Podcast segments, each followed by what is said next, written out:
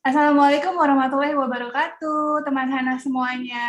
Alhamdulillah hari ini uh, saya Ayu dan kali ini saya akan ditemani sama dua teman saya. Yang satu adalah Ilma Dina dari Hana Indonesia dan kita punya tamu spesial nih yaitu Mbak Sarah atau biasa kami panggil dengan Mima. Nah, Mima ini dari batas.co.id. Assalamualaikum warahmatullahi wabarakatuh semuanya. Waalaikumsalam warahmatullahi Waalaikumsalam warahmatullahi wabarakatuh. Masya Allah. apa kabar? Baik, Alhamdulillah Mbak Ilma atau Ama Ilma selalu bingung ya. Ama Ilma ya. Ama Ilma, Mbak Ayu apa kabar? Masya Allah. Alhamdulillah baik. Alhamdulillah, alhamdulillah. Alhamdulillah ini senang banget nih ya kita semua alhamdulillah bisa kumpul lagi walaupun sebenarnya baru lewat virtual dan hari ini kita tuh mau ngobrol-ngobrol nih sama Mima dan Ama juga. Kita mau ngobrol tentang apa sih sebenarnya? Tapi sebelumnya kita kenalan dulu. Kalau uh, Ama sama aku mungkin teman-teman udah tahu dari tim Hana Indonesia. Nah, kita hari ini ada Mima nih. Mima boleh perkenalin diri dulu nggak sih Mima? Oh ya, sebelumnya Mima ini dari batas.co.id buat teman-teman Hana yang udah pernah tahu mungkin kita dulu pernah bikin Hana berbagi cerita sama batas.co.id bersama Ama. Waktu itu kita ada Zaskia Meka juga ya. Nah, Mima mungkin Mima boleh perkenalkan diri dulu uh, tentang Mima, kemudian tentang batas itu apa. Nanti kita lanjut ngobrol dari sana. Oke, Assalamualaikum warahmatullahi wabarakatuh. Masya Allah, uh, Alhamdulillah ya, uh, bersyukur banget nih atas izin Allah bisa kenal dan lebih dekat nih belajar juga sama Ama Ilma, sama Mbak Ayu, sama tim Hana lainnya. Uh, aku Sarah, biasa dipanggil Mima Sarah, ibu dari dua anak dan seorang istri juga. Jadi kesibukannya sama ya, ya dan Bismillah uh, mencoba untuk uh, tumbuh juga ya di batas. Nah batas uh, ini apa sih gitu ya? Batas ini uh, Learning Quran for Kids uh, dan banyak yang tanya juga di kenapa sih namanya batas gitu ya? batas itu sebenarnya belajar ngaji sampai tuntas gitu, masya Allah. Jadi di sini kita mencoba menjadi teman, jadi teman belajar, teman tumbuh untuk anak, orang tua, guru ngaji beserta kita pun di dalam manajemen batas gitu. Walaupun kita namanya batas, tapi kita berharap di dalam batas ini uh, kita tidak terbatas akan-akan ide inovasi dan yang pasti sesuai dengan uh, di jalan Allah sih itu tujuannya, masya Allah. Masya Allah, agak tercolek ya yuk belajar ngaji sampai tuntas yuk ya iya harus tuntas. Jangan berhenti di tengah jalan guys, semangat. Benar. aku tadi agak sedikit kalau kalau uh, ini kamera mungkin bisa dilihat ya, aku tadi agak ternganga mendengar. Oh, oh iya sama. artinya belajar ngaji tanpa batas, masya Allah. Nah, tadi Mimo udah cerita sedikit tentang uh, batas. Pengen juga nih Mima, kita semua pengen tahu uh, gimana sih awalnya uh, Mima tuh bisa punya ide bikin batas. Oke, mungkin uh, aku sedikit flashback ya. Kalau untuk ide sebenarnya ini ide tuh di tahun 2019 di mana waktu itu aku masih bekerja gitu dan uh, lagi plan untuk resign jadi uh, memang memang kita nggak pernah tahu ya, maksudnya perjalanan hidup kita dua tahun lagi tuh kita uh, akan seperti apa, akan menjadi apa gitu. Jadi ketika resign itu yang aku pikirkan itu bertanya pada diri sendiri, apa sih tujuan aku hidup di dunia ini? Gitu. Kenapa sih aku uh, aku lahir ada di dunia ini gitu? Apa aja yang udah aku lakuin selama ini gitu sebagai hamba Allah gitu ya. Dan dari situ uh, berbekal sebagai seorang orang tua gitu ya. Kira-kira sekarang tuh apa sih yang lagi dibutuhkan ya kita dari sisi orang tua gitu.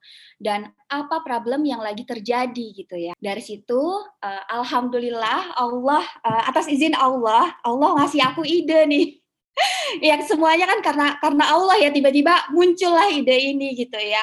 Aku uh, aku resign, aku ingin membuat sesuatu yang bermanfaat dan bisa uh, membantu sesama gitu yang di mana nantinya akan memberikan impact gitu. Lalu uh, aku coba melakukan riset dan ternyata menurut dari sumber Kemenak gitu ya, tingkat buta Al-Qur'an di Indonesia itu masih sebesar uh, 65% di tahun 2020. Dengan kita yang mayoritas muslim. Jadi itu cukup uh, membuat aku tuh wow gitu. Masih besar sekali buta Quran di Indonesia gitu ya Dan yang kedua, uh, dari sisi penghasilan guru ngaji itu masih jauh di bawah UMR. Dan nggak tahu kenapa Allah tuh kayak ngasih tunjuk tiba-tiba aku nggak eh, kalau untuk art, aku cari cari tahu gitu ya dan tiba-tiba ada artikel yang aku baca ini di kondisi pandemi ya tiba-tiba muncul artikel 200 ribu guru mengaji kehilangan pekerjaan di kala pandemi itu itu langsung kayak ya Allah gitu uh, di mana pandemi ini sangat sangat sangat berimpact ya maksudnya mm -hmm. terhadap uh, guru mengaji gitu ya uh, mm -hmm. sama Ilma ya Mbak Ayu gitu ya dan uh, terkadang kita tuh selalu memandang sebelah mata gitu untuk guru ngaji ini sendiri gitu. Dan ketika kami interview guru mengaji ini sendiri, itu membuat kami tuh tim batas tuh kayak bengong lagi gitu Mbak Ayu. Merinding Baik, pasti ya. Gitu. Merinding kayak uh, apa ekspektasi guru ngaji gitu, apa harapan kalian gitu ya. Uh, ya itu memang penghasilan mereka tuh masih jauh di bawah MR. Kalau ditanya ekspektasinya berapa? Nggak ada seikhlasnya. Masya Allah, Masya Allah. Jadi memang ya tujuannya memang udah Allah aja gitu.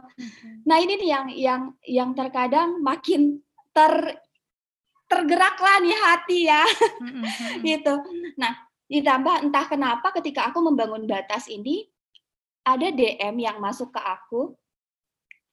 Aku nggak tahu kenapa uh, eh, DM uh, eh, waktu itu manggilnya uh, bunda hmm. gitu ya. Aku nggak tahu kenapa aku DM bunda isyarah gitu ya. Mungkin Allah yang menggerakkan hatiku untuk DM gitu.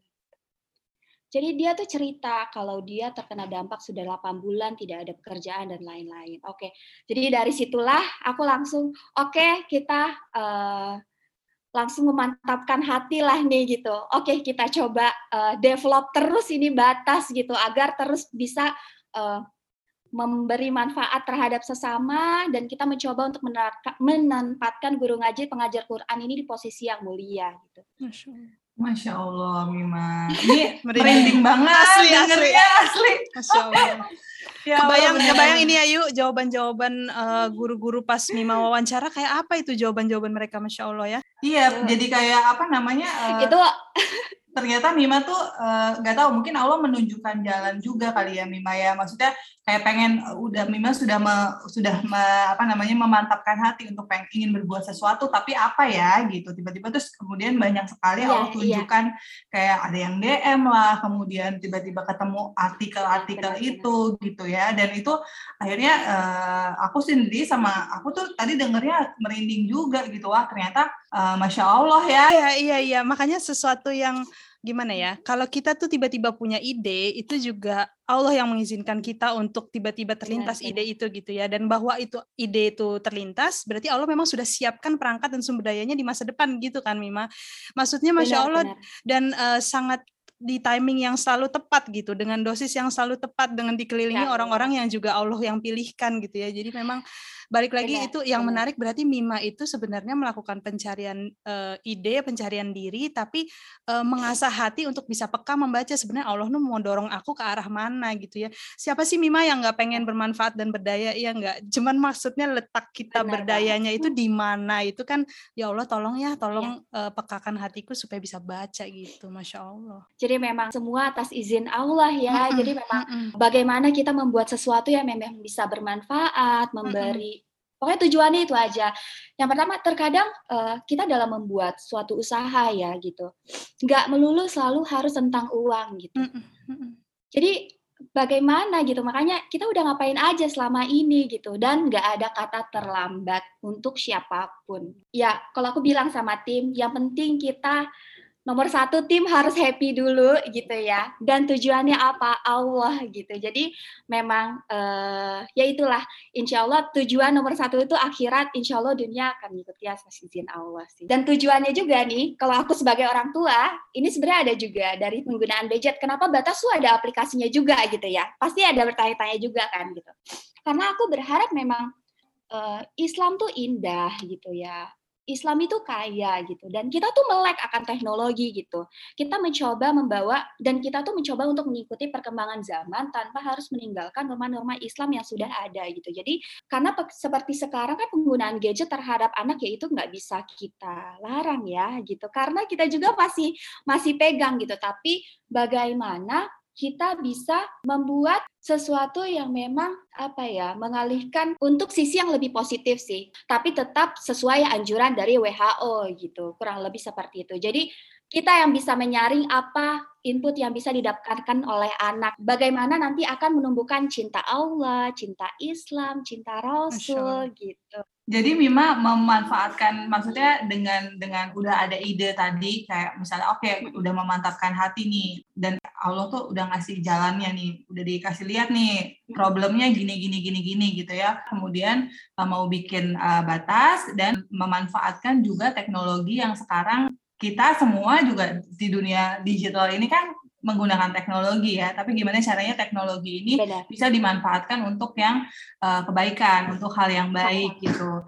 Nah, tadi kan Mama juga udah bilang kan, gimana Mima tuh bisa membaca uh, apa maunya Allah gitu dengan surat cintanya Allah dengan berbagai macam yang terjadi sama Mima sampai akhirnya Mima bilang oh oke okay deh kayaknya mantap nih bikin batas gitu ya. Nah dalam perjalanannya nih Mima setelah Mima yakin gitu. Kemudian apa yang dilakukan gitu? Karena kan ini kan platform uh, untuk anak belajar ngaji gitu. Pastinya kan butuh guru-guru ya, butuh guru-guru yang ngajarin gitu. Nah itu gimana tuh caranya Mima yang udah punya mimpi, udah memantapkan hati, kemudian sudah punya uh, visi juga mau ngapain, udah udah tahu misinya mau apa.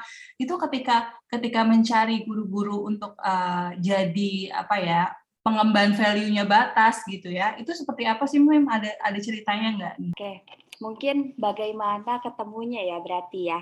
Uh, ini semua sih atas izin Allah sih uh, gitu ya. Jadi memang kita yang pertama yang satu tahun itu aku coba develop tim gitu ya dan semua atas izin Allah aku menemukan tim yang memang mempunyai visi misi yang sama gitu ya. Yaitu uh, tujuan kita sama-sama akhirat gitu. Dunia itu mengikuti aja pokoknya. Jadi tawakal ya. Ikhtiar dulu aja hasil gimana? Allah gitu udah udah udah udah mencoba lagi udah di titik itu gitu. Nah untuk guru-guru sendiri pun juga sama gitu. Di sini kita mencoba menciptakan uh, yang penting satu ya kita punya tujuan sama yaitu akhirat. Begitupun dengan guru-guru mengaji uh, yaitu sama-sama kita mencoba uh, memuliakan guru mengaji ya. Gimana sih cara kita untuk menyatukan visi misi ini agar tetap bertahan gitu. Nah itu kita coba uh, dari yang pasti dalam dulu ya, manajemen dulu ya gitu. Pertama kita juga mencoba menciptakan why gitu. Kenapa sih batas hadir hadir gitu. Apa sih tujuan kita, visi misi? Dan aku berharap di sini itu kita sama-sama tumbuh, sama-sama belajar. Karena belajar itu tuh sepanjang hidup, benar-benar sepanjang hidup gitu. Makanya ini di batas pun itu juga aku belajar gitu. Dan salah satu perjalanan hidupku yang memang udah dicatat sama Allah gitu kurang lebih seperti itu dan uh, untuk tim di sini yang pertama kita open minded gitu ya uh, kita coba untuk grow mindset gitu ya. Dan terutama untuk guru-guru, yang penting cinta sama anak-anak itu nomor satu ya. Gimana mereka mengajarkannya itu dengan cinta, seperti kita orang tua cinta ke anak itu nomor satu. Dan bagaimana ini guru-guru ini bisa membangkitkan, menumbuhkan gairah cinta, keridaan, cinta Allah, cinta Rasul, cinta Islam, di sini nih kita nih dan ini di mana menumbuhkan cinta pada Quran kepada anak-anak ini sebagai bagian dari fitrah keimanan ya. Kalau bisa dibilang jadi kalau konsep guru mengaji ini mengajar di batas gitu. Jadi bukan hanya misalkan nih kenapa kita belajar Quran gitu. Kenapa kita harus baca Quran sampai tuntas? Kenapa kita harus sholat? Jadi bukan bukan hanya ayo kita sholat, ayo kita belajar Quran nggak hanya itu, tapi why gitu karena anak-anak ini juga pertanyaannya mereka juga pasti kenapa sih kita harus sholat? Kenapa sih kita harus ngaji gitu? Jadi yang perlu kita kenalkan itu pesonanya dulu ya, Mbak Ilma ya. Jadi ketika mereka udah terpesona, imajinasi-imajinasi positif ini masuk ke mereka gitu kan. Mengenalkan konsep kenapa kita harus baca Quran sampai tuntas, kenapa kita harus sholat. Oh karena kita ciptaan Allah, Allah sayang sama kita gitu. Kenapa? Misalkan kalau aku sama orang, kenapa Besha masih bisa peluk Mima sampai sekarang? Karena Allah cinta sama Besya, cinta sama Mima, kita masih dikasih nafas Kak untuk hidup. Nah, dari situ bagaimana cara kita bersyukur sama Allah? Itu sih gitu yang selalu uh, begitupun sama tim ya.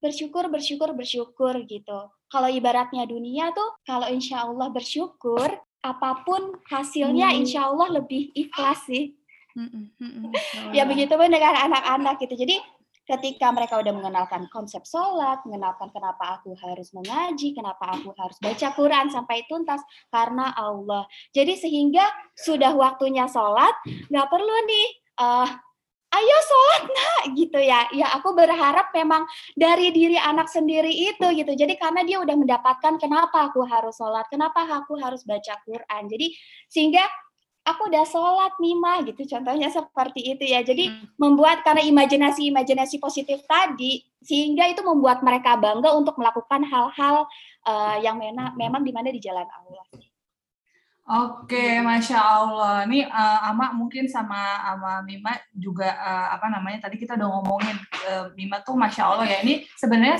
sama banget sama apa yang sering Hana berbagi uh, tentang jawab dengan tauhid gitu ya. Gimana sih meningkatkan fitrah keimanan dari anak, bagaimana mempesonakan anak sama Allah, sama kita semua, sama Rasulullah, gimana kita harus sayang gitu ya. Nah, mungkin Ama sama Mima juga bisa saling cerita ternyata kalau seandainya bukan cuma orang tuanya doang yang punya value si eh, jawab dengan tauhid itu, tapi guru-gurunya juga, itu kan masya Allah ya anak-anak jadi dapat dua ini ya mbak, dapat dua kesempatan untuk dipesonakan gitu. Akan semakin sering dia dipesonakan sama sama Allah, dipesonakan dengan Rasulullah. Insya Allah nanti juga cara yang batas kasih lewat guru-gurunya juga bisa bisa uh, bermanfaat buat yang ikutan ngaji sama batas. Nah, tapi aku juga penasaran yang namanya uh, metode belajar itu kan beda-beda ya, Mim ya. Benar. benar, uh, benar. Gimana caranya di awal uh, Mima meyakinkan guru-guru ngaji ini untuk mengajarkan dengan value yang dari batas itu? Gimana caranya juga menemukan guru-guru ngaji yang sesuai sama value-nya batas? Mungkin Mima bisa share soal itu nggak? Boleh, boleh, boleh. Nah, untuk bagaimana menyamakan guru-guru, sebenarnya kita uh, ya tujuannya sama uh, di sini di batas ini tempat kita untuk tumbuh, tempat kita untuk belajar.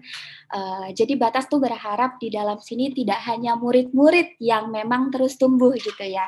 Tapi di sini kita berharap guru-guru mengaji, uh, tim batas, orang tua itu kita sama-sama terus tumbuh dan belajar.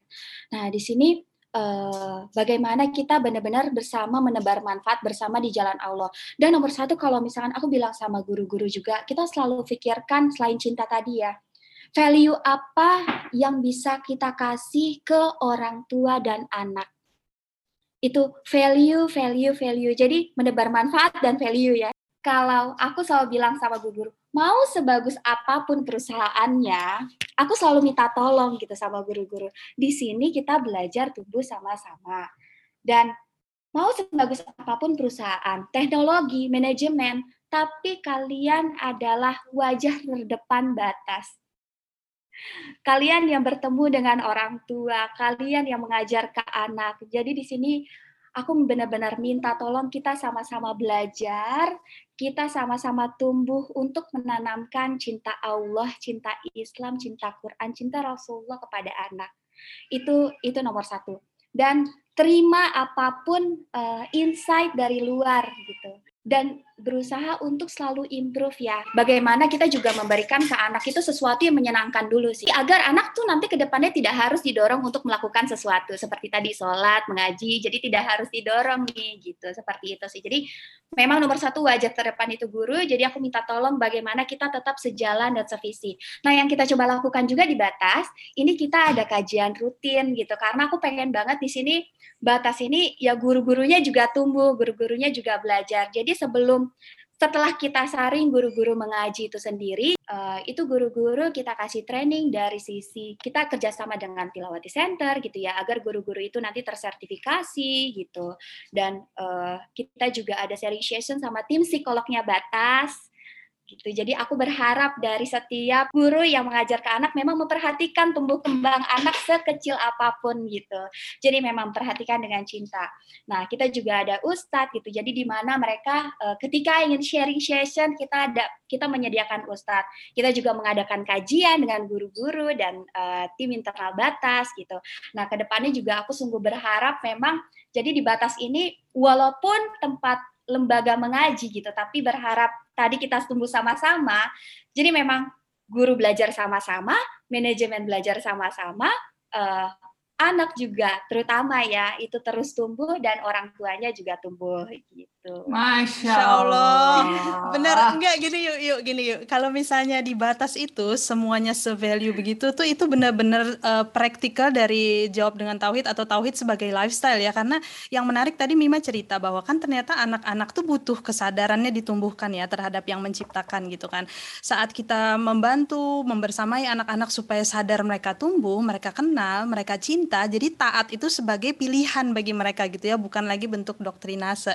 Nah, dengan begitu di usia-usia dini terutama nih teman-teman, kan anak-anak itu selalu menganggap orang tuanya tuh yang paling keren, ya kan? Apa pun yang orang tuanya bilang, mereka percaya, value-nya mereka serap gitu di rumah ya Mima. Makanya kita memang di rumah tuh cukup cukup apa ya, cukup detail gitu ya dalam membersamai anak-anak, ngobrol, main dan lain-lain. Sebenarnya intinya adalah karena anak-anak menyerap nilai-nilai di rumah. Nah, yang kerennya adalah batas ini hadir sebagai support system bagi orang tua. Jadi saat anak ngaji, belajar ngaji di batas dan mereka mendengar ternyata oh guru-guru di batas ternyata value-nya ngomongnya atau misalnya bukan value apa uh, mereka ngomongnya sama ya kayak kata mama di rumah gitu. Nah, itu kan menginternalisasi nilai untuk lebih strong lagi gitu ya. Jadi begitu mereka uh, merasakan bahwa message-nya tuh align, itu akan memupuk kecintaan yang lebih-lebih lagi. Ya ampun aku selalu merinding ya kalau ngomongin Jadi kayak justru kayak semangat banget ya bertemu dengan sebanyak-banyak banyaknya pihak orang gitu yang Allah pertemukan gitu untuk bisa memberi warna yang lebih kental lagi di anak-anak. Itu ya Mima ya?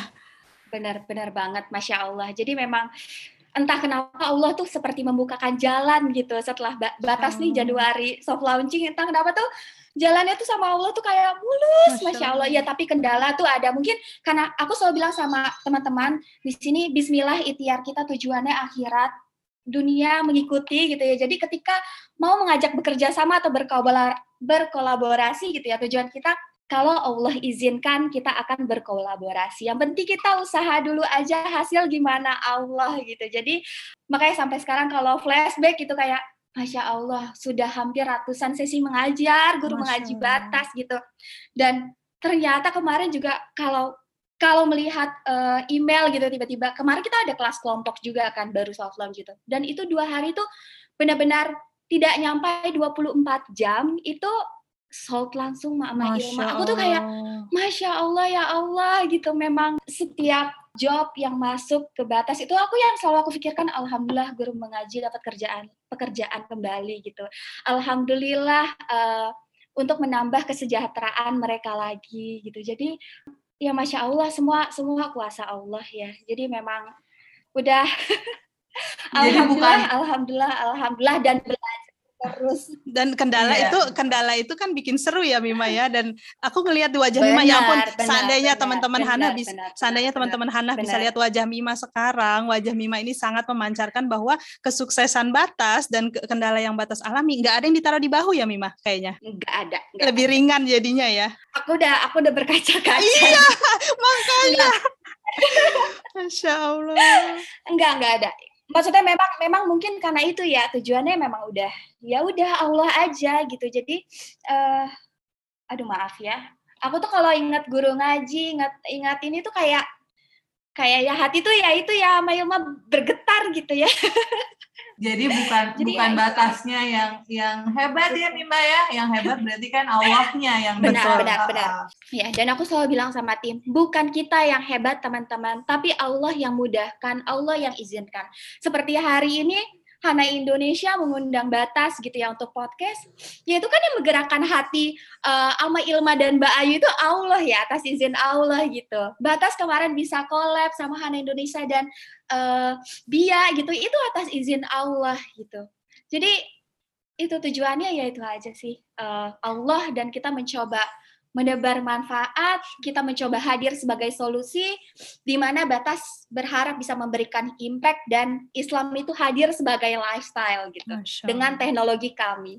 Masya amin ya yuk, amin ya yuk. Itu pertanyaan gue terakhir sebenarnya, Mak. Tapi udah dijawab sama Bima nih. Tar ulang. Mungkin jadi ikutan berkaca-kaca nih. Maaf ya Melo. Dari hati. Dari hati gitu ya. Jadi pertanyaan terakhirku adalah sebenarnya uh, mimpi apa lagi uh, batas tuh sekarang ke depannya tuh mau bikin apa lagi sih? Mau apa ya? Mau uh, memang segala sesuatu kehebatan itu kan Allah yang kasih gitu. Tapi kalau misalnya Mima mau me nempelin post it di uh, sebuah tempat yang orang lain bisa lihat dan diajak gitu ya. Apa sih mimpi besarnya Batas tuh ke depannya mau mau seperti apa? Aduh, masya Allah ya. Mimpi besarnya Batas. Baru kemarin curhat sama Ma Ilma di WA. Mimpiku banyak sama Ilma. Mimpi boleh loh ya. Jadi buat teman-teman semua itu kita itu ya benar-benar bebas untuk bermimpi teman-teman. Kita nggak pernah tahu dua tahun lagi kita akan seperti apa kita akan menjadi apa Allah akan membuat kita seperti ya bagaimana gitu ya apa yang kita lakukan itu benar-benar rahasia Allah semua. Nah kalau mimpi batas banyak ya. Jadi mungkin aku sebutkan beberapa ya. E, pertama balik lagi ke e, tadi problem ya batas hadir e, dari problem itu sendiri ya dan tujuan hidup ya itu kita mencoba uh, untuk membantu menurunkan buta Quran di Indonesia yang masih 65 persen. Gitu. Itu itu tujuan kita. Uh, untuk mimpinya maaf. Dan uh, kita berharap di sini batas hadir bisa membantu mensejahterakan guru mengaji, mendapatkan guru dan pengajar Quran di posisi yang mulia, masya Allah. Kita juga berharap anak-anak yang mengaji ke batas itu menjadi cinta Allah, cinta Islam, di mana anak-anak ini akan menjadi penerus generasi bangsa, penyeru kebenaran dan melakukan perubahan di jalan Allah. Jadi seperti kita menanam benih di mana tanaman itu dan pohon itu akan tumbuh terus tumbuh terus menjadi indah. Kalau misalkan boleh aku baca nih, ada mengambil kutipan dari surat, tidakkah kamu perhatikan bagaimana Allah telah membuat perumpamaan kalimat yang baik seperti pohon yang baik akarnya teguh dan cabangnya. Pohon itu memberikan buahnya pada setiap musim dengan seizin Allah. Siapa yang mau jadi pohon yang berbuah terus? Aku gitu. Amin. ya. Jadi kalau kalau ditanya banyak banget ya. Dan dan aku juga sepertinya belum belum menyampaikan ada ini juga sih orang tua tuh sibuk ya gitu. Ada yang sibuk bekerja, memang sibuk rumah tangga. Nah, bagaimana nih teknologi batas juga bisa mem memonitor perkembangan anak melalui teknologi yang tadi aku bilang. Dan karena aku perempuan dan ibu, jadi aku berharap memang nanti di tim batas ini mayoritas perempuan. Masya Allah. Masya Allah. Gimana perempuan ini bisa bisa bermimpi gitu. Dan aku berharap ke depannya uh, batas itu nanti menjadi tempat uh, kita para perempuan bisa bermimpi, berkarya gitu ya. Jadi ibu-ibu ini datang ke kantor dengan membawa anak di mana anaknya ini sudah ada tanpa har tanpa tanpa harus kan kadang-kadang kalau kita bekerja di kantor itu kan uh, kita khawatir ya anak di mana gitu ya sehariannya bagaimana. Nah, aku berharap nanti ke depannya ibu-ibu bisa bekerja di batas, membawa anak-anak di mana ada sekolahnya tanpa mereka harus khawatir gitu. Tumbuh kembangnya anak seperti apa.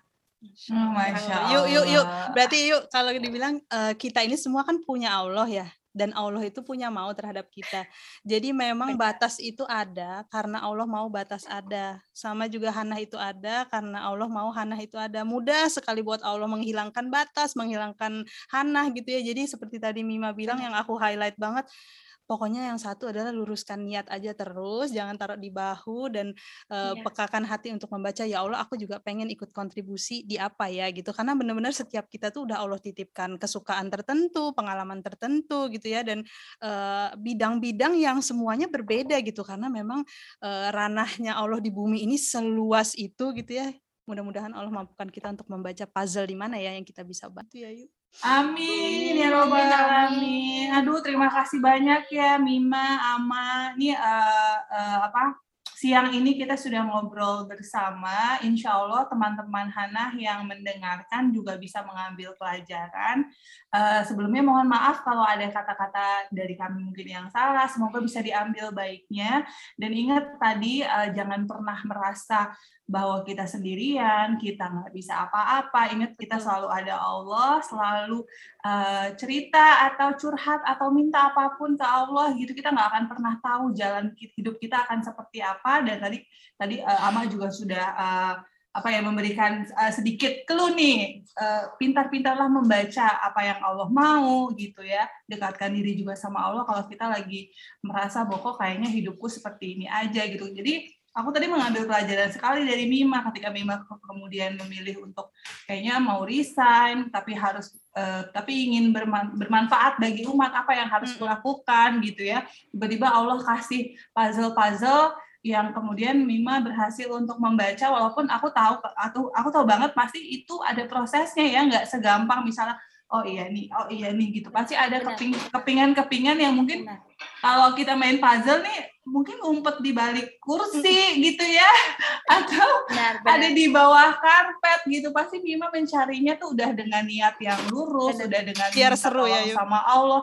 Iya gitu. Dan ketika ketemu kan kayak masya Allah akhirnya ketemu gitu. Dan dan ketika ketemu pun uh, puzzle-nya jadi belum tentu nanti akan ada puzzle-puzzle lain yang datang dalam kehidupan kita. Nah jadi mudah-mudahan teman-teman semua karena aku aku pribadi di saat ini tuh bisa bisa mengambil pelajaran dari Mima, dari Ama juga dari obrolan kita hari ini gitu ya. Semoga nanti teman-teman juga bisa mengambil pelajaran dari sini. Nah, uh, aku mau ngucapin terima kasih lagi buat Mima, buat Batas. Uh, kenapa Hana Indonesia mengajak Batas di sini karena memang Batas adalah salah satu partnernya uh, Hana nih gitu ya. Untuk kadang kebetulan Allah mempertemukan kita dengan value yang sama. Mudah-mudahan kita bisa berjalan beriringan dan berkolaborasi sampai selanjutnya. Jadi bukan hanya belajar ngaji ngaji sampai tuntas, tapi belajar kehidupan sampai tuntas. Nanti kita nggak ada di dunia ini ya, Mima ya. Jawab dengan tauhid ya, yuk. Iya, mudah-mudahan kita bisa ketemu di surganya Allah, bukan Amin, ya cuma ya berteman di sini saja. Amin ya Allah. Oke, buat teman Hana, terima kasih banyak. Doakan semoga podcast Hana Indonesia ada lagi uh, dengan topik-topik lainnya. Semoga bisa juga kasih manfaat buat teman-teman semua. Terus untuk batas aku okay. mau sedikit titip doa karena e, ibaratnya tadi puzzle-puzzle yang sebenarnya kita lagi berusaha rangkai ini semoga Allah juga yang mengikat hati di tim batas, hati guru-guru yang ada di tim batas, para orang tua dan calon murid-murid yang akan bergabung dengan batas gitu bahwa bahwa mengaji di batas itu bukan cuma sekedar e, ngaji saja tapi ada mimpi besar, ada misi besar yang diemban gitu yang menjadi doa. Semoga kita bisa sebanyak-banyak mengajak keluarga Indonesia Indonesia untuk menjadikan tauhid lifestyle dalam kehidupan kita. Amin, amin, amin ya, ya Rob, amin. Mungkin aku boleh satu kata juga ya.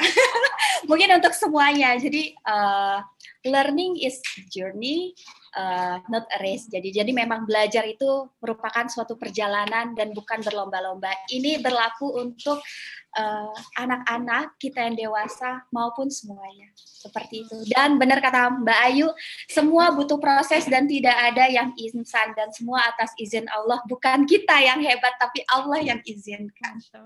Jadi nikmati ya Mima ya. benar benar. Al apa pun itu alhamdulillah. alhamdulillah. Segala puji hanya milik Allah. Betul. Masya Allah. Oke kalau gitu uh, kalau gitu kita tutup pembicaraan kita hari ini. Kita baca wal asri ama. Wal asri itu ya Masya Allah banget. Gimana kita bisa bersama-sama saling menasehati dalam kebenaran dan kesabaran. Itu udah highlight semuanya kan Masya Allah gitu. Jadi Ya Allah, tolong ikat hati kami. Yuk kita tutup dengan membaca wal asr. Bismillahirrahmanirrahim. Oke, Bismillahirrahmanirrahim. Oke, terima kasih Masya banyak Allah. semuanya.